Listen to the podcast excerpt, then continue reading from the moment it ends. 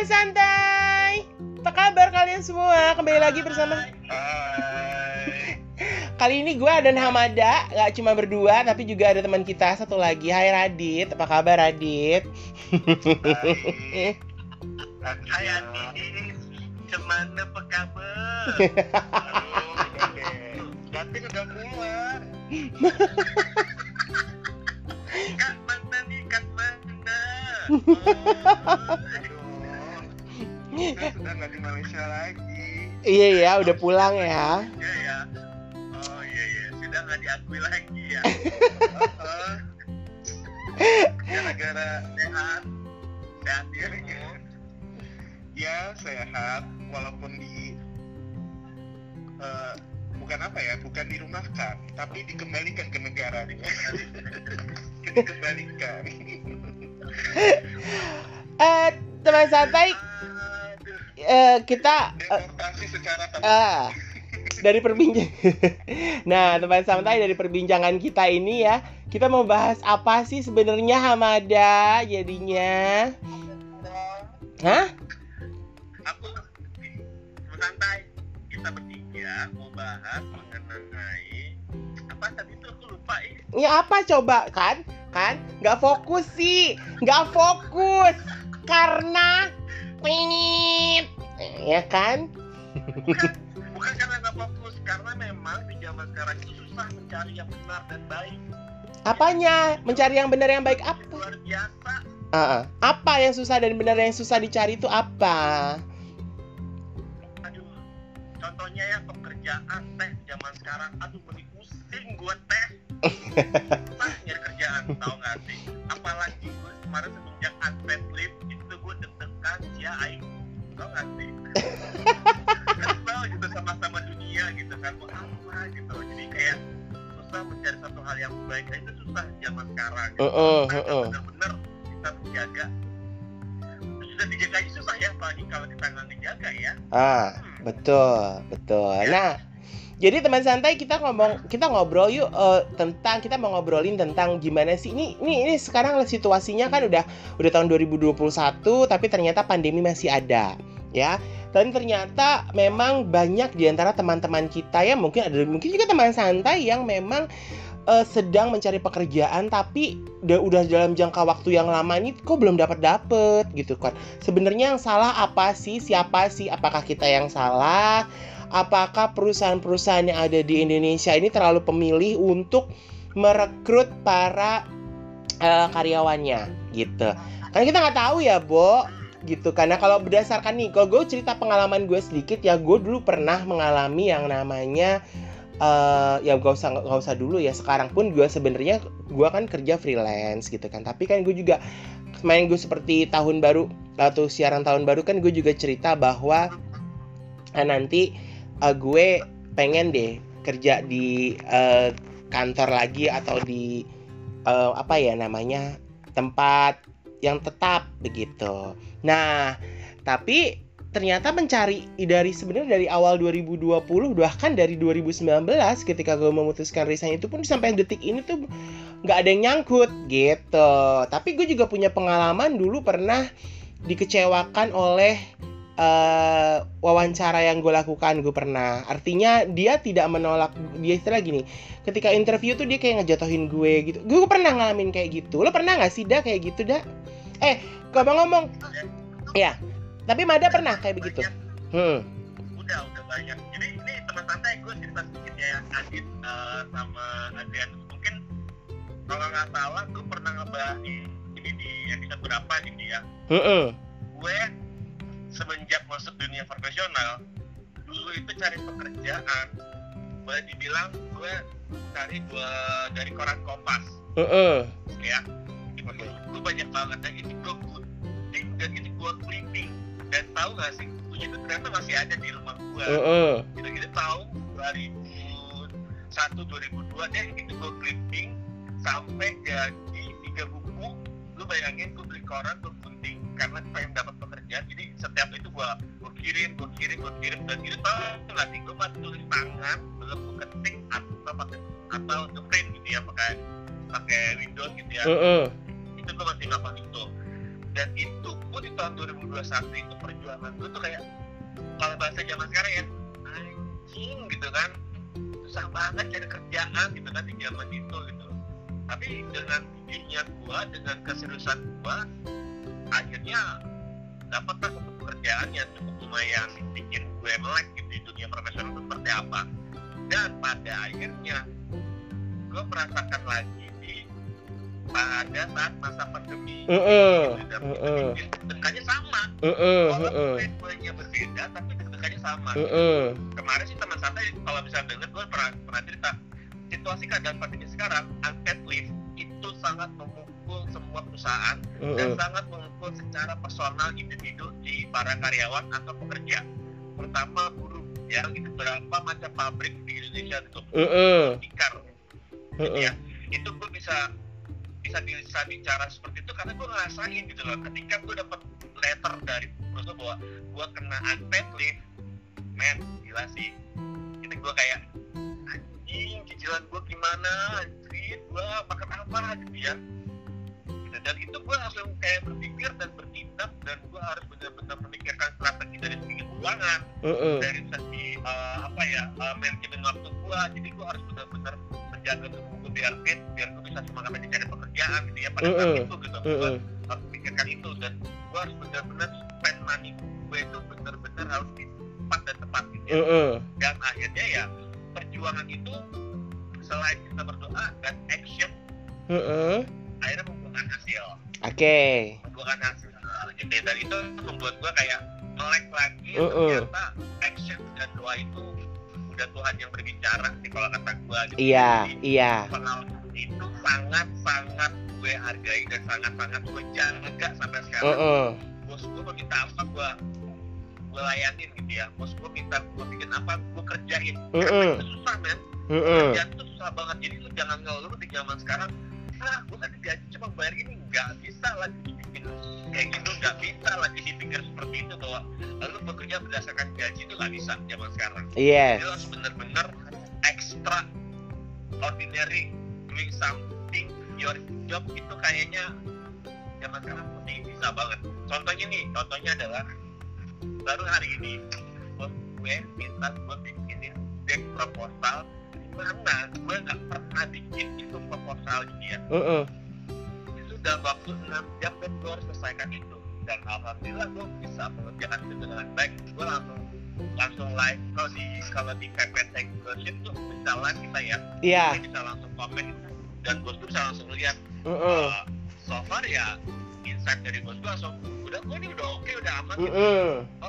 oke gitu padahal di awal gue dikasih kerjaan itu gue aduh gue dia ini kan bukan job desk gue gitu. Iya. gue pikir lagi oh iya iya gue nggak bisa ngomong kayak gini gitu kan. Ini adalah big opportunity yang harus gue jaga. Menjaganya adalah lu harus bener-bener effort untuk bisa melakukan apa pun itu di luar zona nyaman lu. Kalau kata gue sih ya teman santai eh, kalau misalnya memang kalian nggak pede itu bisa diskusi sama teman-teman sekitar eh, lingkungan pekerjaan. Kalau misalnya masih kurang informasi itu bisa banyak banget lu cari di Google Mm-mm. jangan nyerah how to-nya tuh udah banyak banget jadi tinggal Heeh.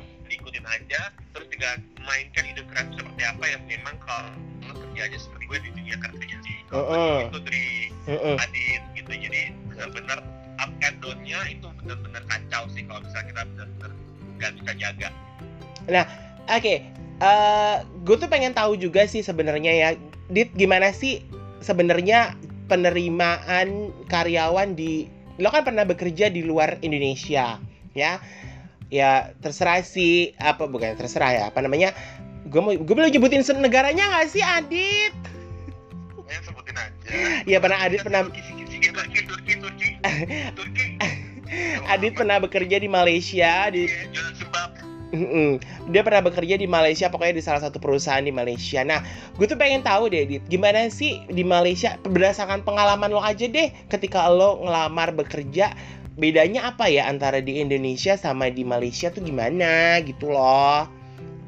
Oke, Eh, jadi kalau ini yang dari dari sisi gue aja ya, Iya, karena gue sendiri kan untuk kerja di Malaysia kan ada pernah bekerja di beberapa perusahaan Mm-mm. dan eh, kebetulan di perusahaan-perusahaan tempat gue pernah bekerja ini Mm-mm. memang eh, merekrut orang Indonesia juga Iya. gitu Mm-mm. dan beberapa dari mereka ini memiliki eh, apa namanya bukan memiliki ma- mengalami eh, kesulitan yang sama-sama gue hadapin Gitu. Eh, contohnya misalnya eh, kalau gue nanya ya ke teman gue eh kok bisa dapet di sini gitu Mm-mm. emang terakhir di mana oh tadinya kerja di Indonesia terus mungkin pindah apa nggak dapat terus kebetulan dapetnya di sini eh, mereka berangkat lah ke Malaysia diterima di Malaysia Mm-mm. Eh, jadi waktu gue dulu lulus kuliah misalnya terus gue nyari kerja di Indonesia ini faktor faktor untuk applicant ini tuh agak ini ya agak banyak terms and conditions gitu contoh nih yang umum ada limit umur biasanya Mm-mm. misalnya dicari pekerja misalnya pria atau wanita tapi dengan usia berapa sampai sekian kan sudah ditulis kayak gitu Mm-mm. kalau pengalaman aku sendiri di Malaysia di beberapa tempat yang aku pernah apply dan aku juga lihat uh, formulirnya apa iklannya mereka untuk lowongan pekerjaan ini Iya. Mereka, mereka nggak pernah ngebatasin umur Iya. karena contoh di di batch aku aja waktu aku masuk kerja ada yang usianya 40-an kok ada Oke. gitu loh. yang usianya 20-an ada baru lulus yang 40 ada gitu loh jadi semua sama Iya. gitu di mana kebetulan ya ketika di Indonesia pas aku tanya "Eh, mas eh, emang di Indonesia lagi ya susah lah kan saya udah umur 40 eh, agak susah nyari di Indonesia kebetulan aja dapat di sini kayak gitu contohnya Mm-mm. sebenarnya itu hal-hal yang eh, menurut saya pribadi itu yang lebih apa yang membuat orang-orang kita di Indonesia oh karena mungkin gue nggak dapet di tempat di Indonesia gue coba ah peluang di luar negeri dan ternyata dapet makanya mereka interest untuk pergi walaupun mungkin ya bisa jauh dari keluarga atau mungkin nggak bisa sering-sering pulang nggak bisa sering-sering ketemu keluarga cuma pasti ada ada pros and cons yang harus kamu hadepin gitu loh Iya, iya, betul, betul. Nah, memang sih eh, dari beberapa lowongan ini kan jadi beberapa waktu belakangan ini tuh gue sempat baca buka-buka lowongan ya di eh, aplikasi-aplikasi pencari kerja kayak LinkedIn, kayak Jobstreet gitu, kayak Glints juga atau atau apa pun yang yang yang gue masukin, yang gue masukin apa maksudnya data gue gue masukin gitu kan. Memang rata-rata opportunity eh opportunity bukan opportunity apa ya? eh, klasifikasi yang mereka berikan tuh di Indonesia nih ya umur gitu kan selalu gitu kan dan dan dan dan itu menjadi kendala karena kan usia gue juga udah bukan eh muda gitu kan. Karena tahun ini aja gue akan memasuki kepala empat gitu kan. Nah tapi kan gue juga kuliah lagi gitu kan. Artinya gue juga mengembangkan diri gue untuk menambah nih. Eh gue dapat eh, apa ya istilahnya gue memperkaya diri gue. Gue melengkapi eh, eh, eh, apa namanya eh, kemampuan gue kayak gitu. Nah di Indonesia tuh kayak gitu-gitu kayaknya mereka masih belum perusahaan-perusahaan atau beberapa recruiter tuh masih eh, ragu gitu loh. Atau mungkin kalau nggak usah eh, ini deh pekerjaan yang memang eh, dilakukan secara eh, perekrutannya itu adalah mencari seorang eh, pekerjaan profesional lah. Artinya adalah bukan artinya praktisi kayak gitu kan. Jadi udah ahli gitu. Itu juga mereka mencarinya usianya juga dibatasin seperti itu. Gue gak ngerti kenapa ya yang, yang masalah tuh sebenarnya perusahaannya atau gimana atau kitanya para pe- pencari kerja ini butuh sesuatu gak sih? Atau supaya tuh rentang usia tuh sebenarnya nggak perlu dibatasin sebenarnya. Tapi gue nggak tahu ya gitu kan. Ini kan pendapat gue aja gitu kan. Jadi eh nah Adit bilang ternyata di luar negeri di luar Indonesia usia itu nggak ada nggak dibatasin karena memang buat mereka siapa pun bisa bekerja asalkan bisa memberikan apa ya effort kepada perusahaan bisa bekerja dengan baik bisa berkembang bisa memajukan perusahaan gitu Eh, artikel-artikel yang gue temuin di di di di Indonesia sendiri tuh kebanyakan artikel tuh trik eh, diterima bekerja, trik diterima bekerja, trik diterima bekerja supaya kamu diterima bekerja supaya kamu diterima bekerja. Kok gue memandangnya itu sebagai ini kok yang salah para pencari kerjanya ya gitu. Apa yang salah sih dengan perusahaannya? Ada nggak sih yang salah dengan perusahaannya gitu? Sampai akhirnya gue juga menemukan sebuah artikel di mana ternyata ada perusahaan yang memang sebenarnya uh, juga punya punya beberapa kesalahan di mana banyak orang uh, kesulitan mencari pekerjaan. Sebenarnya pengangguran ini nggak perlu kita ngelihat pandemi ya. Sebelum pandemi aja tuh pengangguran udah tinggi gitu. Jadi uh, sebenarnya yang salah tuh siapa kayak gitu. Nah kan kalau Uh, uh, jadi kan kalau dilihat dilihat kembali, wow, ada yang ambil cuci piring ya, Bo? nyambi loh, beneran loh, bener sih dengerin podcast tuh bisa nyambi, ngerekam podcast juga bisa nyambi ya.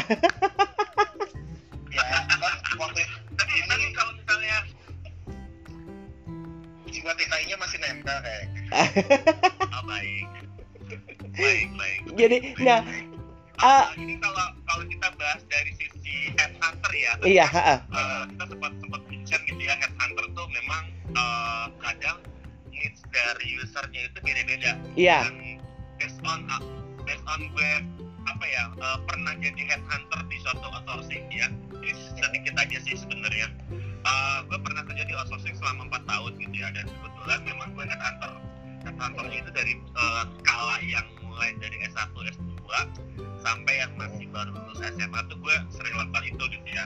Uh, yang memang dibutuhkan sama user tuh unik sih sebenarnya. Beda-beda gitu ya uh, terus gue tidak pernah menemukan suatu kejanggalan dalam recruitment yang dibutuhkan sama klien gue gitu ya. Cuma memang uh, gue notice banget gitu ya kenapa sih di Indonesia ini uh, selalu melihat orang itu dari skala usia yang masih dipandang uh, mungkin satu mohon maaf nih ya kalau gue salah ya murah yang masih muda gitu ya. Karena murah karena energi masih banyak terus masa produktif masih panjang terus masih bisa diatur masih bisa uh, apa ya juga dibentuk lah gitu ya. Iya. Yeah. Nah, jadi mindsetnya ini sudah tertanam sebenarnya dari dari dari dari pendahulu kita yang sebagai headhunter gitu ya tapi gue sempat uh, apa ya memecahkan rantai pemikiran itu mm karena ketika gue mencoba mempresentasikan sebuah uh, calon pekerja berjuang dan mati-matian untuk mempertahan, mempertahankan satu dua tiga direktur deh pokoknya.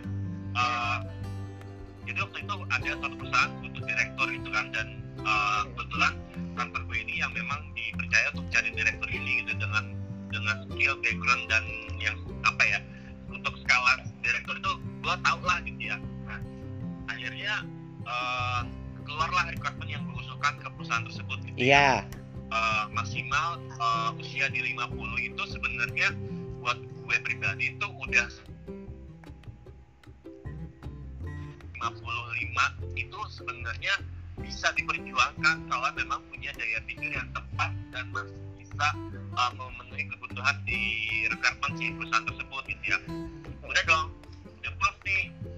Di approve uh, gue uh, pasang iklan pasang cari di mana yeah. ya akhirnya ada tiga, tiga kandidat yang dipilih yang pertama umurnya 45, yang kedua 50, yang ketiga 55. Uh -uh. Jadi, jadi perbedaannya cuma lima tahun, lima tahun, lima tahun gitu ya. Nah, akhirnya gue coba untuk interview mereka dan gue cari tahu backgroundnya mereka seperti apa and doingnya seperti apa buat laporan ke user gue user gue setuju akhirnya dipanggil lah mereka bertiga uh, yang dipilih adalah yang umur 55 tahun finally akhirnya uh, gue berhasil memutuskan mata rantai karena ketika gue ketika gue presentasi terhadap tiga profil ini uh, apa ya kebutuhan perusahaan itu sebenarnya profile jadi kalau lo mau jadi seorang pekerja please bangun profil dengan baik. Jangan termindset dengan lingkungan jangan ter terpengaruh oleh apa ya uh, bacaan-bacaan yang memang sebenarnya itu nggak harus lo baca. Jadi kita boleh baca tapi harus bisa menyaring.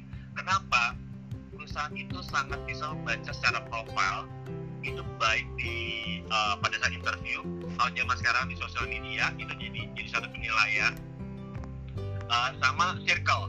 Mereka pasti akan menanyakan itu profil lu seperti apa dan mereka akan mempertanyakan itu karena itu sangat mempengaruhi ketika lu harus engage dengan tim yang lain. Nah akhirnya baik lagi ke direktur yang kenapa dipilih 55 karena ternyata umur 55 tahun itu bisa banget mengkill orang yang umurnya masih muda di bawah dia 45 tahun iya yeah. secara skill gue yakin yang 45 tahun ini lebih oke okay pengalaman di 55 tahun ini lebih oke banget tapi secara long journey-nya itu yang 45 paling oke sebenarnya Oke. kenapa gue bisa mempertahankan yang 55 karena gue bilang gini sama si user gue pak kita nggak bisa yang namanya apa ya uh, mengotak-kotakan suatu pemikiran dari skala usia.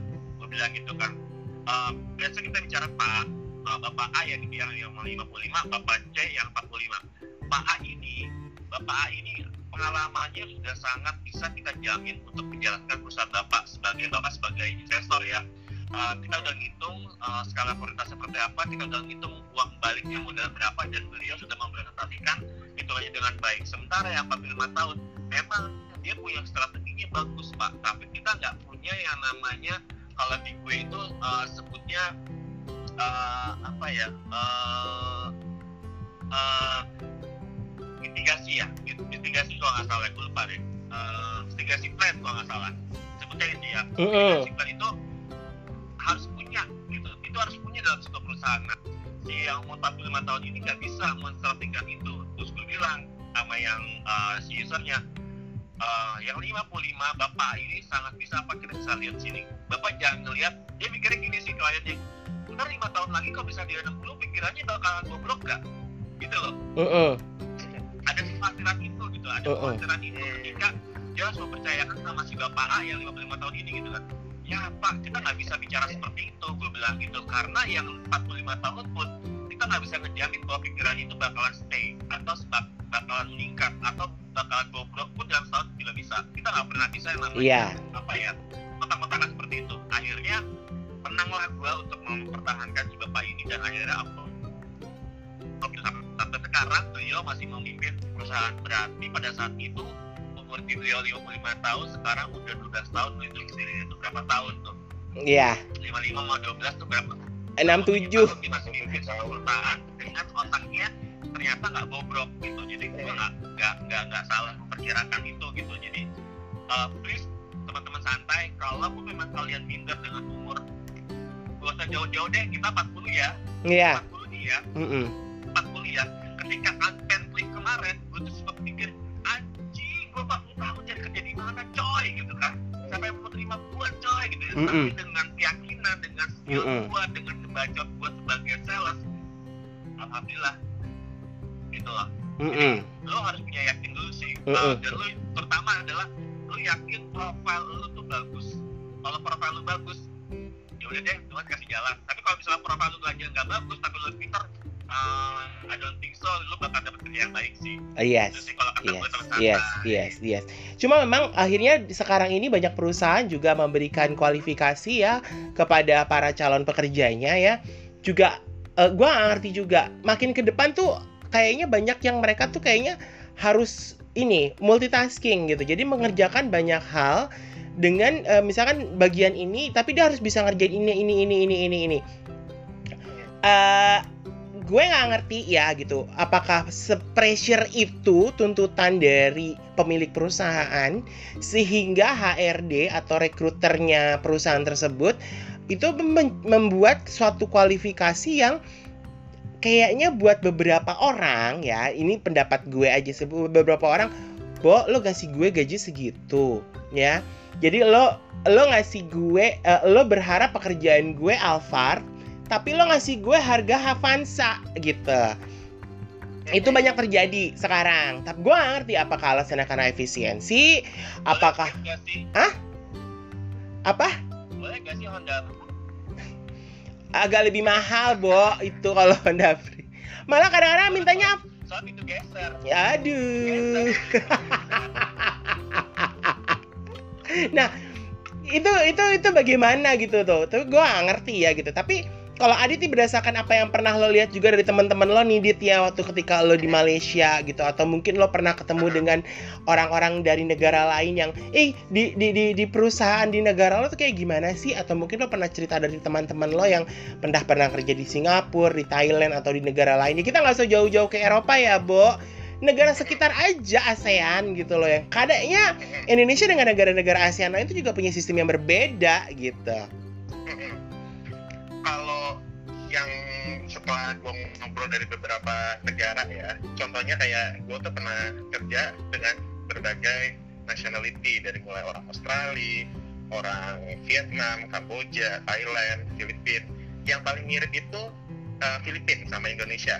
Mm-mm. Miripnya gimana? Jadi gini loh, ketik kalau di Indonesia deh misalnya, di mana uh, pekerja asing, berarti jatuhnya uh, ekspatriat, itu uh, akan lebih dihargain atau ketika misalnya contoh deh kayak ada orang kayak gosip eh, eh dia sekarang nikah sama seorang ekspat loh gitu loh. Jadi kesannya ekspat itu kayak wow banget gitu Mm-mm. ya kan? Mm-mm. nah di compare jadi eh, di mana kalau kata orang Filipina kenapa kamu pilih kerja di luar? Iya kenapa? Kalau saya kerja di Filipina usah- ya di luar penghasilan ya itu kayak eh, level dihargainnya itu beda walaupun dengan skill yang sama misalnya katakanlah eh, temanku yang orang Filipina ini bisa bahasa Jepang Mm-mm. Ya.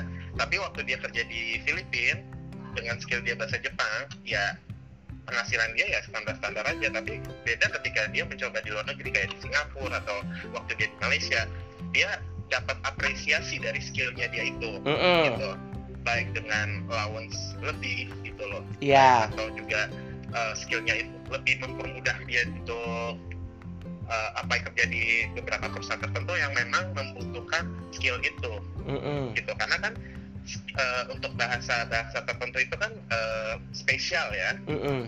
gitu dan apalagi kalau memang kantornya itu juga membutuhkan skill Mm-mm. bahasa tersebut Mm-mm. Gitu Eh, terus apalagi ya kalau di sana itu lebih ngerasa eh, semuanya sama gitu loh.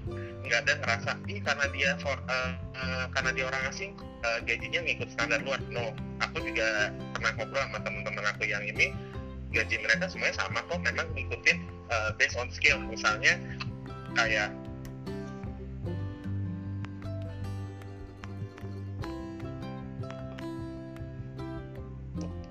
Aw, Adit suaranya hilang.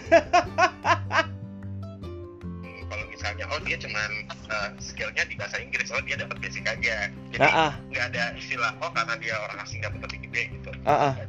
jadi aku suka di sana semuanya selevel Oh gitu, iya iya. Nah, eh, ini kita juga bicara mengenai pernah nggak sih lo ngebaca di salah satu iklan eh, lowongan pekerjaan gitu? Pasti kualifikasi itu ada berpenampilan menarik. Nah, berpenampilan menarik ini nih kadang-kadang tuh jadi satu eh, kerancuan kalau menurut gue. Sebenarnya ya kalau menurut pendapat gue, secara kalau gue orang yang bekerja di bidang eh, fashion gitu kan, ya arti- artinya gue gue juga eh, eh, eh, apa kayaknya yang ngunyah enak banget ya Bo. Nggak kelar kelar ngunyahnya.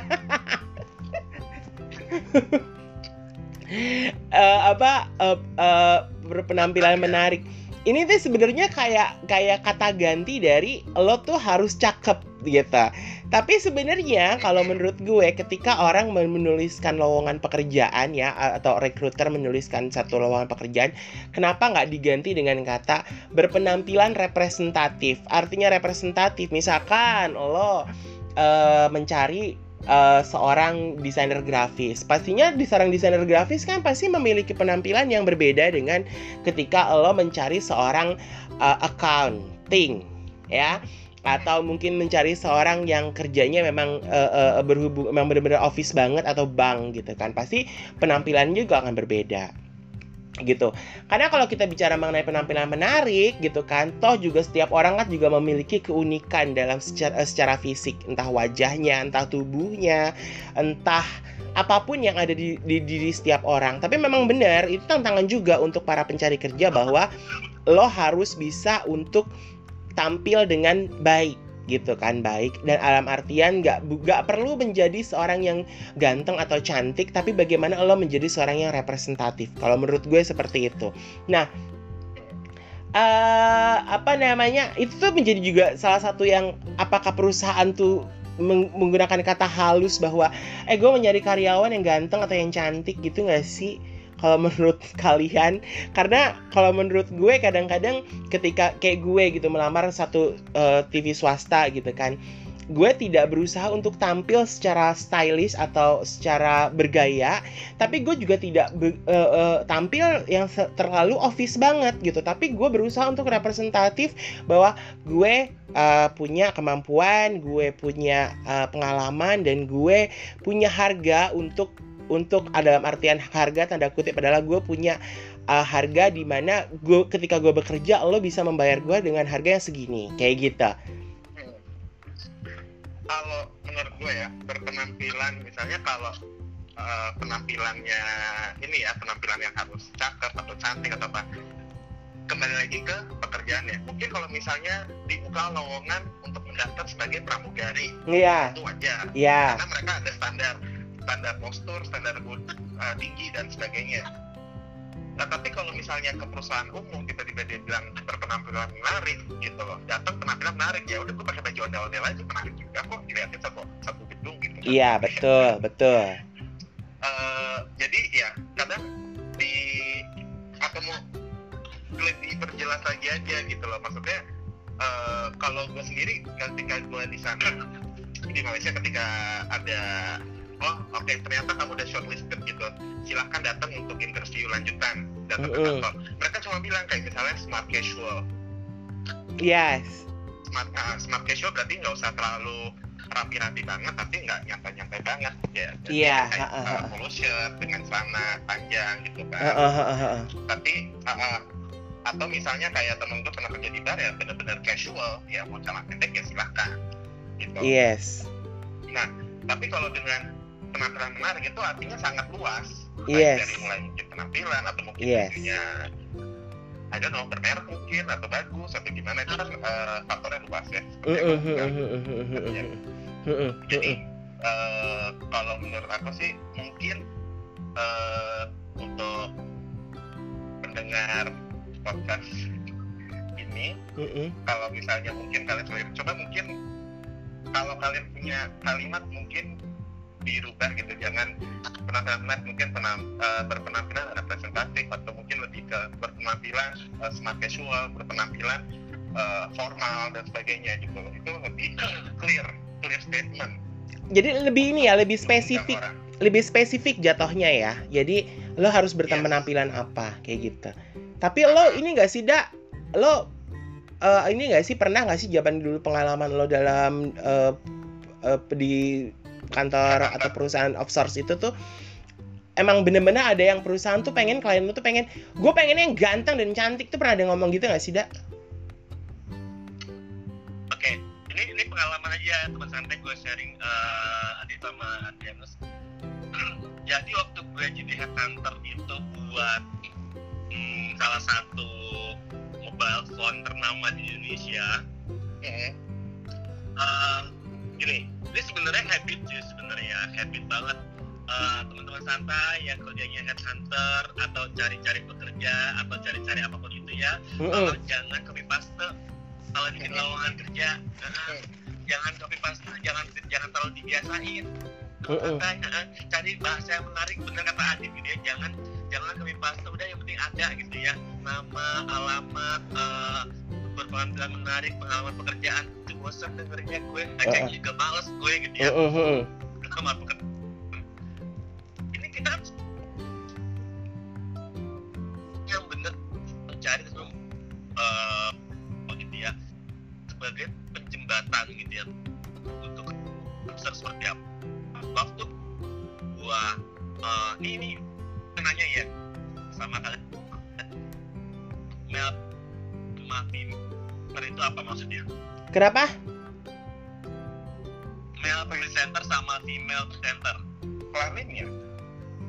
male presenter sama female presenter. Presenter. presenter. Misalnya gini ya dicari dicari male presenter dicari female presenter. Itu maksudnya apa tahu nggak?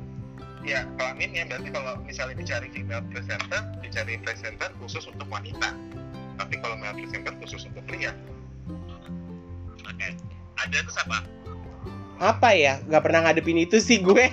Jadi pengertiannya kalau female presenter atau male presenter ya mungkin dia bisa eh, ke bisa untuk bisa apa ya istilahnya mungkin bisa bisa uh, masuk ke dalam salah satu gender itu kali gitu. Hmm, Oke, okay. dua-duanya nggak ada yang salah. Jadi uh, sebenarnya bahasa Indonesia sih bahasa menjenguk ya. Mm -mm. Kita juga uh, punya bahasa banyak banget pengertiannya luas gitu ya. Ketika kita coba untuk uh, mem, apa ya mengimplementasikan dengan bahasa Inggris pada saat itu karena memang gua butuh banget cari bahasa yang menarik dan gak yang common gitu ya. Cari SPG itu kan banget ya. Eme cari SPG gitu ya ya. Nah akhirnya gue menemukan kata melt center. Iya. Yeah. center memperkenalkan satu produk yes. gitu ya. Nah ada. Jadi meaningnya sebenarnya itu teman-teman. Jadi uh, akhirnya gue coba pakai itu. Uh, gue skemain seperti apa dan orang orang Korea itu baru enggak gitu maksud tujuan gue apa dan dia tuh bilang wow beda banget nih gitu kan. Nggak uh, seperti yang biasanya gitu kan uh -uh. dicari sales promotion girl gitu. Gitu itu kayaknya very common gitu dan uh, kalau di bidang gue itu SPG itu yang bergerak dan mempekerjakan atau uh, apa ya menjadi pekerjaan itu uh, bisa dibilang uh, end user gitu ya ke end user gitu ya. Nah kalau mail presenter itu yang mempromosikan barang itu dengan uh, baik secara eksklusif gitu ya. Uh, bisa juga ke end user bisa ke B2B gitu ya bisnis to bisnis itu dia yang mempresentasikan uh, the kind of the product dari si mobile phone ini gitu. Yes. Enggak yang hard selling gitu ya intinya gitu. Pekerjaannya tidak hard selling. Kalau SPG itu hard selling. Gitu kan dia harus benar-benar yang bisa menjual produk itu dengan cepat gitu ya. Nah, akhirnya gue taruh lah di uh, iklan gitu ya. Uh, platform iklan. Dicari mail presenter dengan kriteria ini ini ini ini. Dicari mail presenter dengan kriteria ini ini nah ada satu bagian yang gue ubah yaitu adalah berpenampilan menarik itu gue nggak taruh lagi. Itu gue nggak taruh lagi. Berpenampilan representatif itu yang gue taruh pada pada saat itu. Dan itu benar penggunaan kata bahasa dan bahasa Inggris itu yes. ya Iya. saat itu nah akhirnya believe it or not percaya nggak percaya itu secara nggak sengaja sudah menyaring nih sudah menyaring orang yang akan melamar pekerjaan. Iya. kita nggak perlu lagi untuk uh, ngebaca ribuan CV gitu ya yang mereka sendiri pun nggak tahu maksud tujuannya itu uh, lowongan apa gitu kan. Nah yang tahu itu pasti mereka udah ngerti. Satu dari bahasa Inggris ya. Mm-mm. kedua dari kebutuhan ya kan. Ketiga apa ya uh, mereka tidak perlu lagi untuk uh, rasa takut gitu ya untuk bisa uh, taruh CV-nya gitu ya itu ya S1, S2 banyak banget yang lamar pada saat itu. Dan gue itu senang banget. Uh, yang online itu gue kayak, kayak anjir banyak banget gitu kan. Gue tuh sampai jombas tim gue tuh sampai yang kita cuma butuh 200 pada saat itu. Karena nasional sifatnya. Nah akhirnya di, di pilihan 200 itu kita panggil ke Jakarta dan training. Pada saat itu kita tanya nih se- seperti gue nanya ke kalian juga kalau nggak sih artinya presenter dan tim presenter sebelum saya menjelaskan perusahaan apa yang akan kalian datangin untuk interview gitu. Ha-ha. terus akhirnya menjawab semuanya sama. Mempresentkan memperkenalkan. Jadi kayak PR-nya sebenarnya. Tapi bukan dalam skala yang besar. Gitu sih. Nah akhirnya skema itu dipakai sampai sekarang di beberapa agensi. Iya. si teman-teman santai. Jadi kalau misalnya memang menemukan hal hal-hal yang menarik untuk membuka lowongan coba jangan copy paste dipahami dulu produknya apa perusahaannya seperti apa dan gunakan bahasa yang tepat karena itu bisa membantu kalian untuk men-screening para pelamar atau para uh, pencari kerja. Itu sih teman santai Adrianus Adit kalau kata gue Iya sih, iya iya. Benar benar benar. Karena karena kadang-kadang kita juga gue juga kadang masih banyak banget lamaran yang gue baca nih ya. Terus uh, gue tuh harus banyak banget mencerna ini maksud pekerjaan ini ngapain, ngapain, ngapain, ngapain. Tapi memang uh, bagusnya adalah makin detil sih sekarang. Walaupun akhirnya pekerjaannya juga uh, tanggung jawabnya juga jadi makin banyak yang yang yang mereka mereka butuhkan gitu. Mereka butuhkan dari satu perusahaan tuh tanggung jawabnya dari seseorang tuh semakin banyak gitu. Tapi kalau menurut pendapat kalian yang terjadi di Indonesia nih sekarang kan banyak eh, kita nggak usah ngeliat COVID ya gitu kan karena memang sebelum COVID aja sebelum wow ada yang lagi kumur-kumur kayaknya. wow Jadi sebelum covid aja tuh pengangguran udah banyak, orang mencari kerja juga udah susah gitu kan. Nah, uh, sebenarnya menurut ke pendapat uh, lo deh gitu, lo berdua deh gitu. Ini yang salah nih sebenarnya apakah pencari kerjanya, apakah perusahaannya yang terlalu picky atau pemilih untuk mengefisiensikan pengeluaran mereka terhadap uh, karyawan karena memang sebenarnya karyawan itu adalah aset yang paling berharga perusahaan dapat bergerak itu karena ada aset hidup. Aset hidup itu adalah para karyawan itu, gitu. Karena asetnya mati, itu tidak akan bisa bekerja tanpa aset hidup.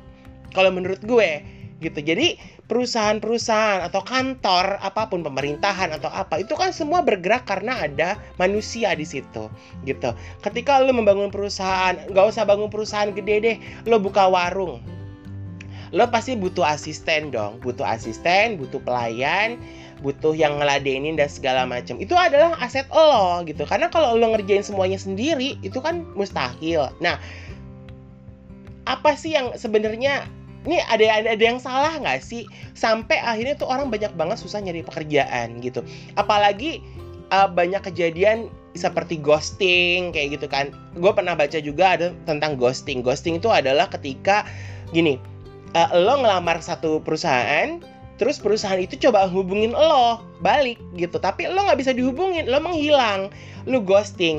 Ada satu artikel juga yang pernah gue baca Audi Glins gue bacanya itu ternyata ada budaya yang sudah diciptakan oleh perusahaan ketika perusahaan tidak pernah memberikan kejelasan kepada para pekerja yang melamar jadi misalkan lo udah ngelamar satu ke pekerjaan, itu pernah kejadian sama gue tahun lalu di salah satu TV swasta, di mana ketika gue harus interview terakhir dengan GM, tiba-tiba emang dikasih tahu sih sebenarnya, uh, tapi pemberitahuannya ini adalah pemberitahuan bukan gue ditolak, tapi pemberitahuan di mana nanti akan dihubungi kembali gitu. Tapi hingga ya sampai sampai detik ini nggak ada dihubungin kembali. Artinya gue diterima atau enggak. Lo mendingan ngasih tahu gue mentah men pahit-pahitnya deh. Eh lo nggak diterima. Udah selesai dong. Gue jelas gitu. Daripada lo nanti akan dihubungi kembali seminggu dua minggu tiga minggu sebulan dua bulan tiga bulan akhirnya sampai pandemi sampai psbb sampai segala nggak ada kejelasan apa pun gitu. Nah itu akhirnya juga membuat beberapa pencari pencari kerja juga bersikap yang sama dengan perusahaan tersebut gitu. Nah apakah ini salah satu ghosting ini juga salah satu penyebab di mana banyak orang yang akhirnya susah untuk mencari pekerjaan karena perusahaan jadi lebih picky lalu uh, para pencari pencari kerja ini juga jadi eh gue kok ragu ya gitu atau gue nggak pede ya atau gimana gitu menurut kalian tuh gimana sih? Salah satu dulu deh, Adit deh kalau itu. kalau gue gitu ya, kalau dari pengalaman gue sih di, oke okay, kalau boleh jujur gue sebenarnya belum pernah bekerja uh, secara formal di perusahaan Indonesia. Mm -hmm. Nah tapi kalau pengalaman gue untuk bekerja di luar negeri, biasanya mereka akan inform mm -mm. kalaupun uh, bahwa misalnya oh aplikasi kamu sudah kami terima pending dengan status pending lagi dalam proses review gitu atau kalaupun misalnya uh, ditolak pun mereka akan kasih terima kasih telah melamar tapi mohon maaf bla bla bla belum bisa kami belum bisa menerima anda pada saat ini itu oke okay. tapi ada juga kasus di mana mereka telat. Jadi telat ngabarin kalau sebenarnya aku diterima. Mm -hmm. gitu bun. Jadi mungkin jadi contohnya gini bun. Waktu aku terakhir ketemu kamu itu yang Februari tahun lalu itu itu kan aku baru keluar kan? Baru baru selesai pekerjaan di satu perusahaan kan? Di saat itu kan aku juga apply ke beberapa perusahaan. Nah mungkin let's say ada dua perusahaan nih yang terima aku. Iya karena yang satu lagi ngasih taunya telat ya otomatis kan ya akan aku di posisi nyari kerjaan ya apa siapa yang nerima aku ya itu yang aku ambil. Yes betul. Dan tiba-tiba setelah aku bekerja di sana kurang lebih 2-3 minggu itu di bulan Maret tiba-tiba aku dapat telepon dari perusahaan kedua bahwa aku diterima. Dalam arti aku kok lama lama juga ya mereka uh -uh. informnya apa jangan-jangan aku cuman uh, backup gitu loh cadangan deh kalau misalnya yeah. nggak ada yang ngambil baru belum gue ambil gitu iya yeah, uh -uh. soalnya untuk standar karena kan itu Januari aku apply rata Iya. biasanya sebulan dong ini udah Iya. Maret Iya. baru apply eh baru ada jawaban 49 hari sebenarnya proses perekrutan tuh sebenarnya idealnya. Ah, Heeh. Ya, Gitu. kan biasanya kalau aku di sana eh, sebulan itu ada jawaban bahwa kamu pending atau kamu approve atau bakal lanjut ke interview berikutnya. Ah, ah, ah, ah, ah. Jadi ketika dia baru Maret langsung bilang, eh eh, kamu keterima nih, kapan kamu bisa ke Malaysia? Loh, aku bilang aku udah di Malaysia, tapi ya mohon maaf saya sudah bekerja di tempat lain, gitu. Iya. Oh ya udah, gitu. Akhirnya nggak jadi. Nah itu kadang ini juga sih salah, bukan salah sih mungkin eh ya kalau aku coba berpikir positif gini aja mungkin yang apply itu banyak ribuan gitu dan mungkin mereka juga susah untuk hubungi satu-satu karena mungkin perusahaan ini eh, sistemnya masih agak primitif ya karena dia memang nelfonin satu-satu sedangkan yang satu lagi tuh by email Heeh. nah, Heeh. kayak gitu karena ya gitu. Eh, karena itu kan juga mungkin faktor yang berpengaruh juga ya Heeh. infra eh, apa bukan infrastruktur. Sistematis Mm. masalah penanganan eh, ini pegawai yang melamar Iya. yang jadinya telat atau gimana yang sebenarnya ya opportunity bagus sih. Cuman ya mau gimana lagi gitu. Kalau buat aku ghosting sih enggak. Cuman lu lama banget ya gue digantungnya Iya. soalnya ada yang udah terima gue ya itu aja lah gue ambil gitu Daripada Iya, gua ben- ghosting. Tapi itu gue pernah kejadian juga dulu, zaman dulu banget itu sekitar dua tahun dua ya waktu awal-awal ma- diterima di kerja di stas, satu stasiun TV.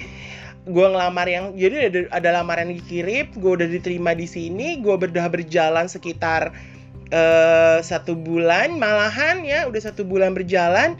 Dia nelpon kalau gue udah diterima gitu untuk untuk untuk enggak bukan diterima sih. Gue dia nggak baru nelpon gue untuk eh mau interview terus gue bilang aduh maaf saya sudah diterima bekerja di sini. Gue sebutin aja nama perusahaannya gitu nama TV-nya itu TV lain gitu ketika itu ya. Tapi ya udah gitu mau gimana? Gue bukan ghosting artinya ya siapa cepat dia dapat artinya kan gitu.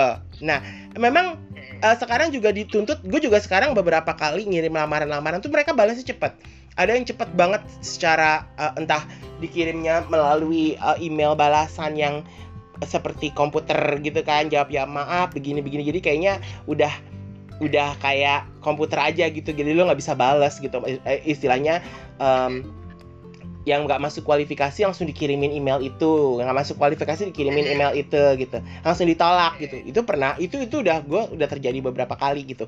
Sebenarnya kan kayak gitu-gitu sebenarnya enak gitu. Kenapa? Karena supaya gue tidak melamar ke perusahaan yang sama akhirnya di masa depan artinya di, di di kemudian hari gitu. Karena akhirnya ada orang yang nggak pernah kan pasti kita banyak dong ngirim-ngirim lamaran pekerjaan itu lupa perusahaan-perusahaan mana aja. Orang pernah juga ngirim-ngirim ngirim-ngirim tiba-tiba dapat panggilan nih perusahaan apa yang mana? Gua kapan ngelamarnya? Pernah kejadian kayak gitu juga gitu. Itu juga dua gua udah dua kali tuh. Ketika itu udah udah di apa namanya udah nanti kita akan semua semua gue berakhir ketika gue harus interview. Yang satu pertama udah dengan user udah selesai lolos. Oke nanti kita akan uh, interview dengan direktur. Nggak ada kabar ya. Ghosting. Yang kedua dengan GM dibilangnya dibatalin ke interviewnya nanti dihubungi lagi. Ghosting lagi gitu. Itu gua gua harus tiga kali gitu. Dari tahun 2019 2020 apakah di 2021 gua akan baru dapat gitu? Istilahnya hat trick banget. Di, di kesempatan ketiga baru gue dapet gitu. Apakah seperti itu gitu? Manda pernah nggak sih ngadepin kayak gitu atau enggak perusahaan lo tuh dak yang pernah pernah kayak gitu nggak sih? Yang eh, eh gue udah nelpon nih eh ternyata anaknya udah kerja tempat lain atau nggak bisa dihubungin atau tiba-tiba udah deh nggak usah dihubungin deh atau gimana deh kayak gitu Hmm, kalau kan per- perusahaan ya, kalau ini gue nya yang ghosting. Ketahuan ke kantornya yang ghosting. kalau gue perusahaannya bener gue nya nggak ghosting tapi perusahaannya ghosting dari gue Gue kebalikannya, jadi dia deketin gue terus gue hilang. Eh, itu bukan sih. eh itu bukan melamar pekerjaan itu melamar hubungan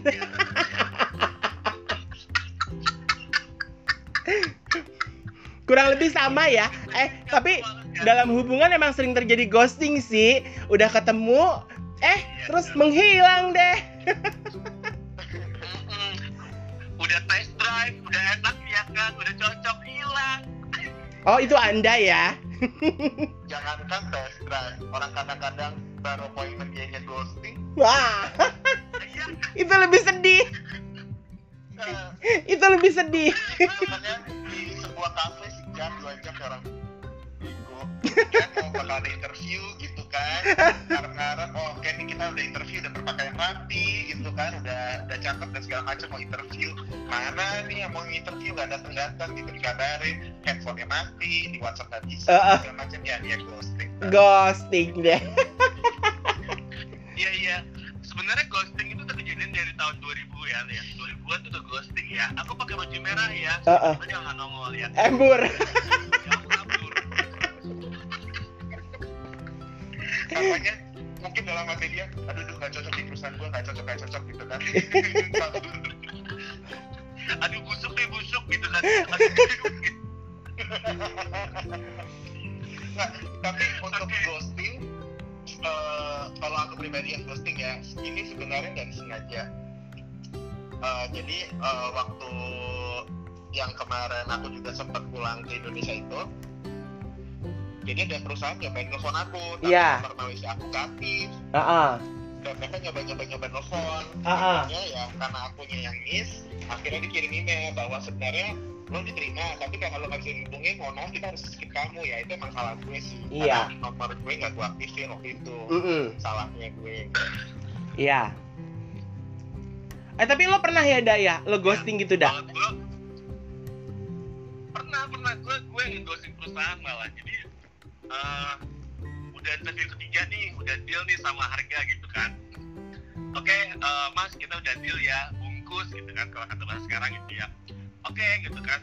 Eh, terus gue tuh udah perjalanan tuh gue super galau banget. Akhirnya eh, ketika besokannya gue harus kerja gue malah itu gue buru-buru eh, kasih ini kasih surat gitu. Karena gue gak mau nama gue jelek dong. Iya. Ya kan? Eh uh, gue kasih ke email HRD-nya itu eh, apa eh, isinya adalah mohon maaf saya tidak melanjutkan kesempatan ini dikarenakan bla bla bla bla gitu kan. In- intinya gue, gue punya etikat baik lah untuk menyampaikan itu ya. Tapi gue nggak tahu kenapa ya itu HRD kagak ngecek gue selama tiga hari. Dan gue diteleponin sama orang dan gue nggak tahu kan kalau itu kantornya yang memang tempat gue bekerja gitu kan dan gue nggak angkat ya kan? Gue nggak angkat gitu kan? Ini siapa sih abu lama ah? Yang penting gue udah email kalau memang dari perusahaan itu gitu kan? Ah terus akhirnya si HRD ini whatsapp gue gitu kan? Mas gak ke kantor udah tiga hari terus gue kaget. Ya dia salah siapa ya? Gue bilang gitu kan. Terus juga mbak aku udah email tiga hari gak bisa lanjut karena bla bla bla bla bla bla. Eh dia marah bu. Ya mas kenapa saya dia bilang gitu kan. Kan saya ada telepon jadi telepon kali gituin gue marah-marah gue dimarahin. Tapi ngomong-ngomong gue juga pernah deh gue baru inget gue baru inget ghosting itu. Gara-gara salah kirim. Salah kirim lamaran. Jadi ternyata eh, perusahaan ini eh, pokoknya gue langsung yang ini perusahaan apa ya? Gue langsung gitu kan. Gue searching wah ini nggak bisa nih gue kerja di sini. Gue bilang ini ini alemong nih gue bilang gitu. Jadi akhirnya gue ghosting deh. Gue pernah.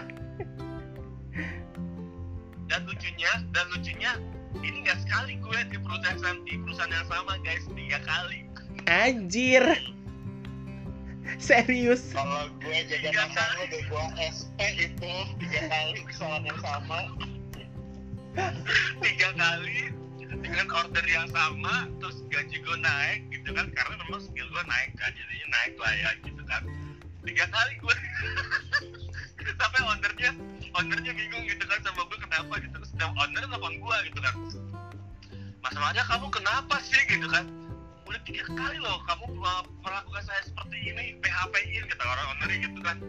Iya mbak soalnya tuh gini gini gini gini gini gue pokoknya ini gitu. Tapi deh mbak saya siap bantu kalau memang butuh freelancer gue bilang gitu kan. Jangan khawatir deh saya bantu gitu kan. Enggak enggak mau lah orang udah deal dia bilang gitu kan. Udah enggak mau lah gitu ya udah ke kantor gitu kan.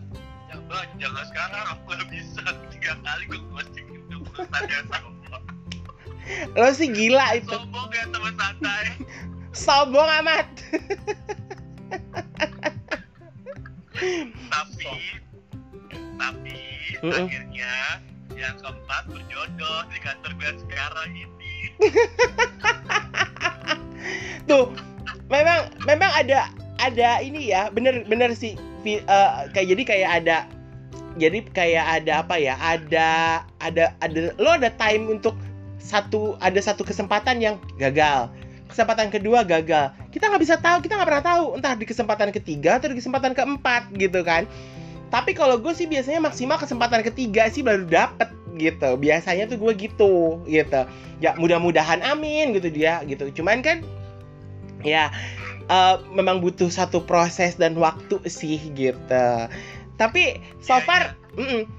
Tapi kira-kira buat buat kalian ini gak sih ngerasa oke lah kita pandemi ini lagi lagi ribet gitu. Tapi lowongan pekerjaan banyak banget loh sebenarnya jujur kalau boleh gue akuin ya. Sebagai eh, apa namanya sebagai hunter nih sekarang gue job hunter ya. Gue sebagai job hunter artinya gue mencari pekerja sekarang itu kayak banyak banget. Dan eh entah kenapa gue coba untuk berani kayak banting setir gitu dari pengalaman-pengalaman yang ada terus gue coba banting setir ke satu pekerjaan yang gue nggak pernah kerjain gitu. Lo kira-kira pernah berani nggak sih kayak gitu melakukan kayak gitu dah Mada nih yang udah kerjanya lama ya mungkin kalau Radit udah lo berapa kali kerja sih Dit? Udah baru dua kali per dua perusahaan atau tiga perusahaan?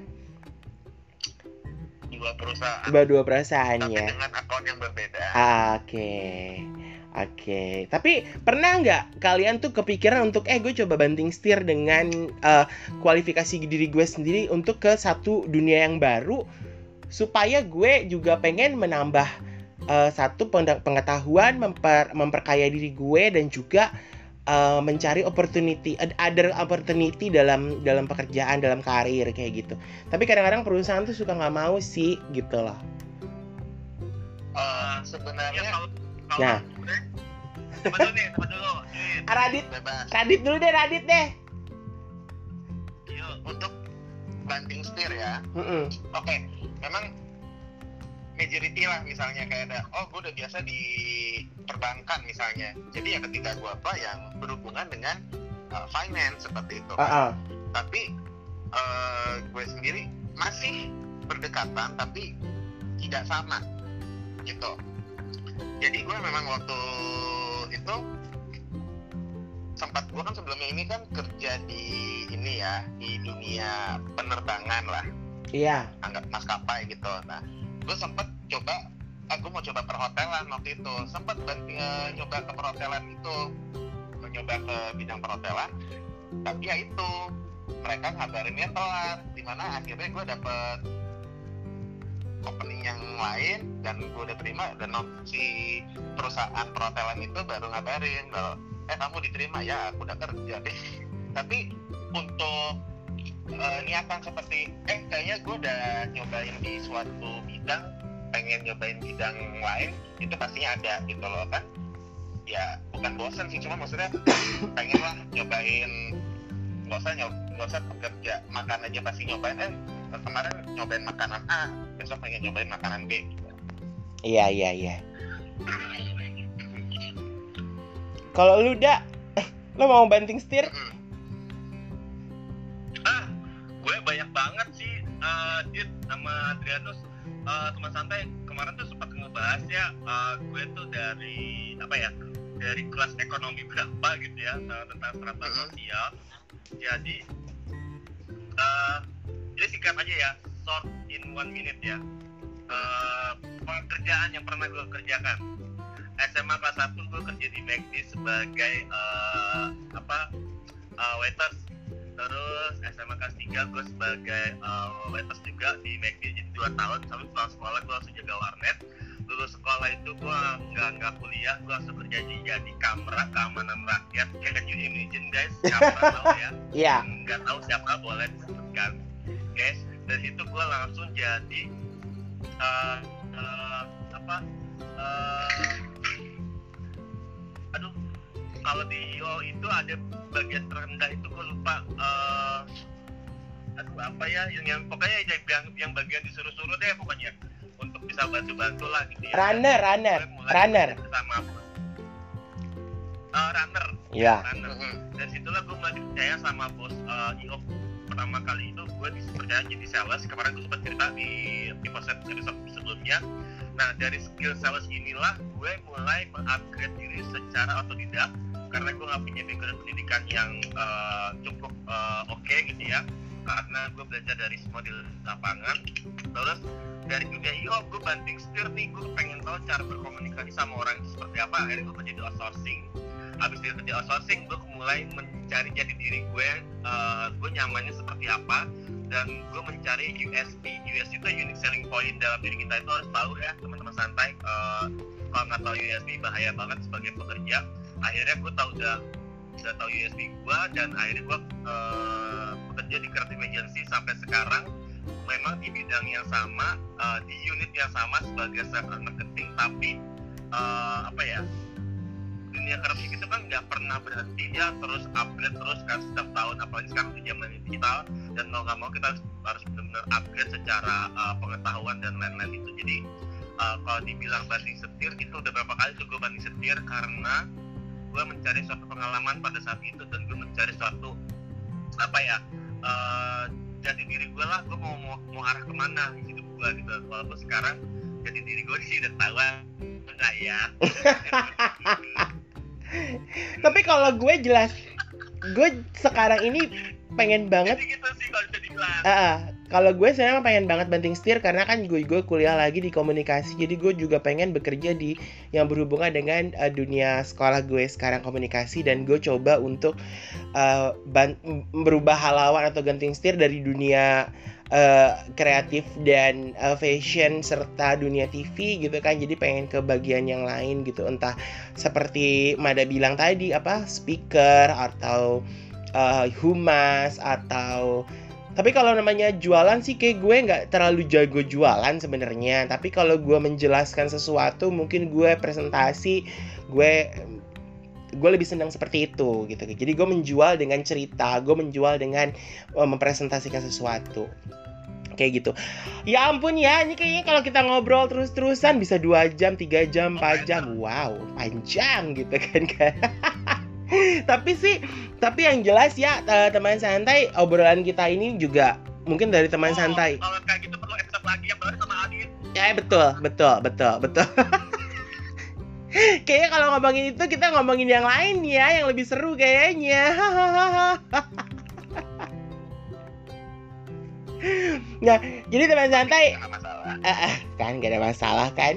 Jadi teman santai mungkin ada teman santai yang dengerin kita ada juga yang punya profesi sebagai HRD atau recruiter dalam satu perusahaan ya. Eh, kita nggak nggak ini ya kita bicara ini kita nggak pernah kita bukan untuk eh, memanasi atau kita menjudge. Ini perusahaan banyak mau. Ini para pekerja juga banyak mau. Nggak buat teman santai juga yang masih mencari pekerjaan juga kita nggak nggak nggak nggak. Ya kita cuma ngobrol santai aja. Melihat pand ini eh, melihat bukan melihat berbicara dari sudut pandang kita masing-masing pengalaman kita seperti apa seperti itu. Jadi gue juga punya pengalaman ya tidak menyenangkan mencari kerja tidak menyenangkan juga. Gue juga pernah mencari karyawan juga ketika jadi asisten desainer. Jadi ya eh, semoga ini tuh menjadi apa ya istilahnya jadi se- sedikit informasi atau membuk ada pandangan sedikit yang berbeda dari teman santai yang dengerin kita bahwa memang mencari pekerjaan tuh susah-susah gampang. Dibilang susah enggak dibilang gampang juga enggak gitu kan. Jadi bagaimana kita bisa menampilkan diri kita apa adanya kita punya kemampuan dan kita berani untuk menerima sebuah tantangan dan menerima sebuah perubahan. Karena kalau kita tidak bisa menerima tantangan perubahan karena zaman semakin berubah ya Bo makin hari semakin naik perubahan tuh terus setiap harinya. Nggak hanya setiap hari setiap detiknya tuh ada perubahan perubahan dan kita mau di segala usia ya teman santai dari usia yang antara yang 20-an 19 sampai dengan 40 tahun atau 50 tahun lebih yang teman santai dengerin. Tapi yang jelas setiap uh, orang itu harus bisa menerima perubahan kalau menurut gue supaya kita juga bisa berkembang dan kita bisa memberikan kontribusi eh, kita kepada eh, entah negara, entah tempat kita bekerja atau entah kontribusi yang baik kepada keluarga juga gitu. Eh, kalau itu jadi plafon sih Hamada gimana sih? Hmm, hmm. Mm-mm. Beneran siapa? Ada penampakan enggak? ya udahlah kalau kayak gitu ya teman santai kita nggak bakal pernah habis udah panjang banget sama Adit sama Adrianus mungkin nanti episode tambahin kali ya Iya. Mungkin ada ada ada pembahasan lain lagi gitu kan, cerita pengalaman-pengalaman yang lain lagi apalagi Ar- Aradit sekarang udah di Indonesia. Mungkin cerita ah suka dukanya eh, tinggal di luar negeri. Hai.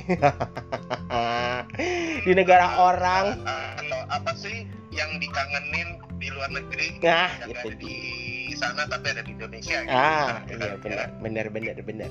Kayak boleh gitu. boleh boleh boleh next episode Makasih ya Adit ya udah mau diganggu waktunya. Terima kasih juga udah cerita-cerita Oh iya, sharing sama anytime loh. Ah, dan ini eh, roman-romannya akan ada PSBB berikutnya, jadi kayaknya kita akan terus melakukan eh, recordnya seperti ini, teman santai. Jadi please eh, menerima kita apa adanya, santai Shay, santai aja Shay.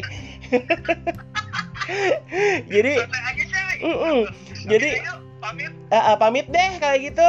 Eh, terima kasih ya dan tetap jaga kesehatan buat teman santai semuanya, buat Adit, buat Mada juga tetap jaga kesehatan.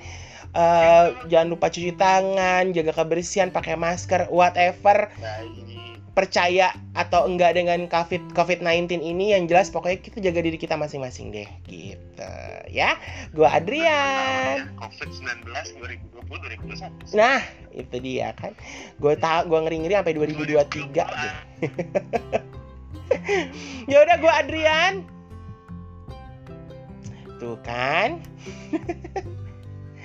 Dan gue Adi. Ah, dan Hama Hamada jangan banyak banyak ngebenerin rambut deh ah. So cantik deh. tadi udah gue Hamada pamit ya salam Say. Bye guys. Dah.